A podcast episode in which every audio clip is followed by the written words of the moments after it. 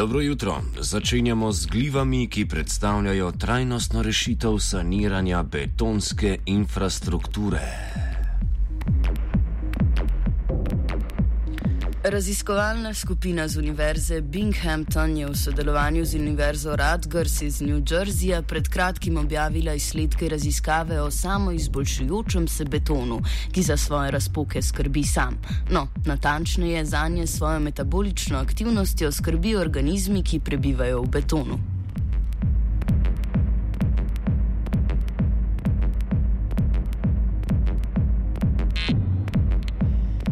Beton je eden izmed najbolj uporabljenih materijalov za gradnjo infrastrukture. Ena poglavitnih slabosti betona je, da se v njem pogosto pojavljajo razpoke zaradi njegovih slabih nateznih lastnosti.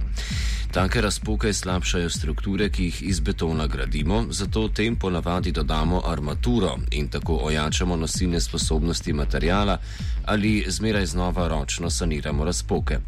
V razvoju pa so še druge tehnike, ki bi lahko predstavljale cenejšo in učinkovitejšo rešitev za zastavljeni problem.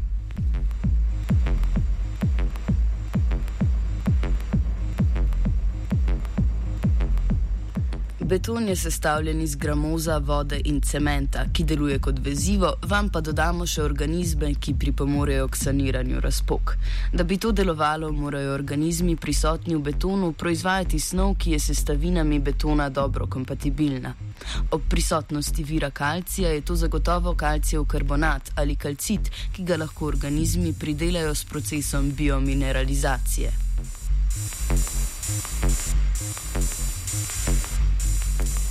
Dosedanje raziskave so temeljile na sintezi kalcijevega karbonata z uporabo bakterij, saj te z lahkoto gojimo v laboratoriju, vendar so bakterije zelo občutljive na zunanje vplive.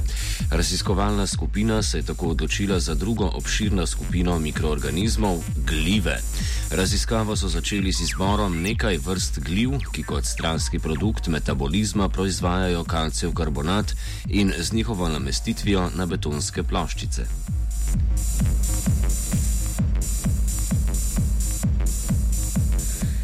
Opazili so, da se zaradi topljenja kalcijevega hidroksida iz betona pH okolja lahko zelo spremeni, zaradi česar to postane alkalno. Ena izmed izbranih gliv, Trichoderma resej, se je izkazala za trpežno tudi v takih razmerah in njenimi celiji so rasli v prisotnosti betona. Rast so spremljali z rentgensko difrakcijo in elektronskim mikroskopom ter potrdili, da na hifah gliv nastaja plast kalcita.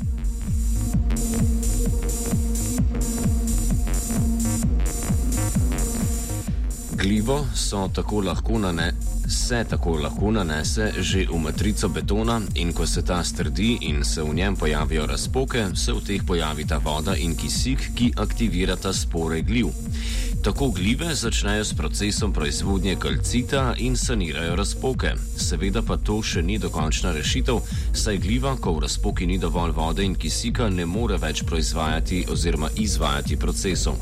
Zato raziskovalke in raziskovalci nadaljujejo s eksperimenti, da bi metodo optimizirali.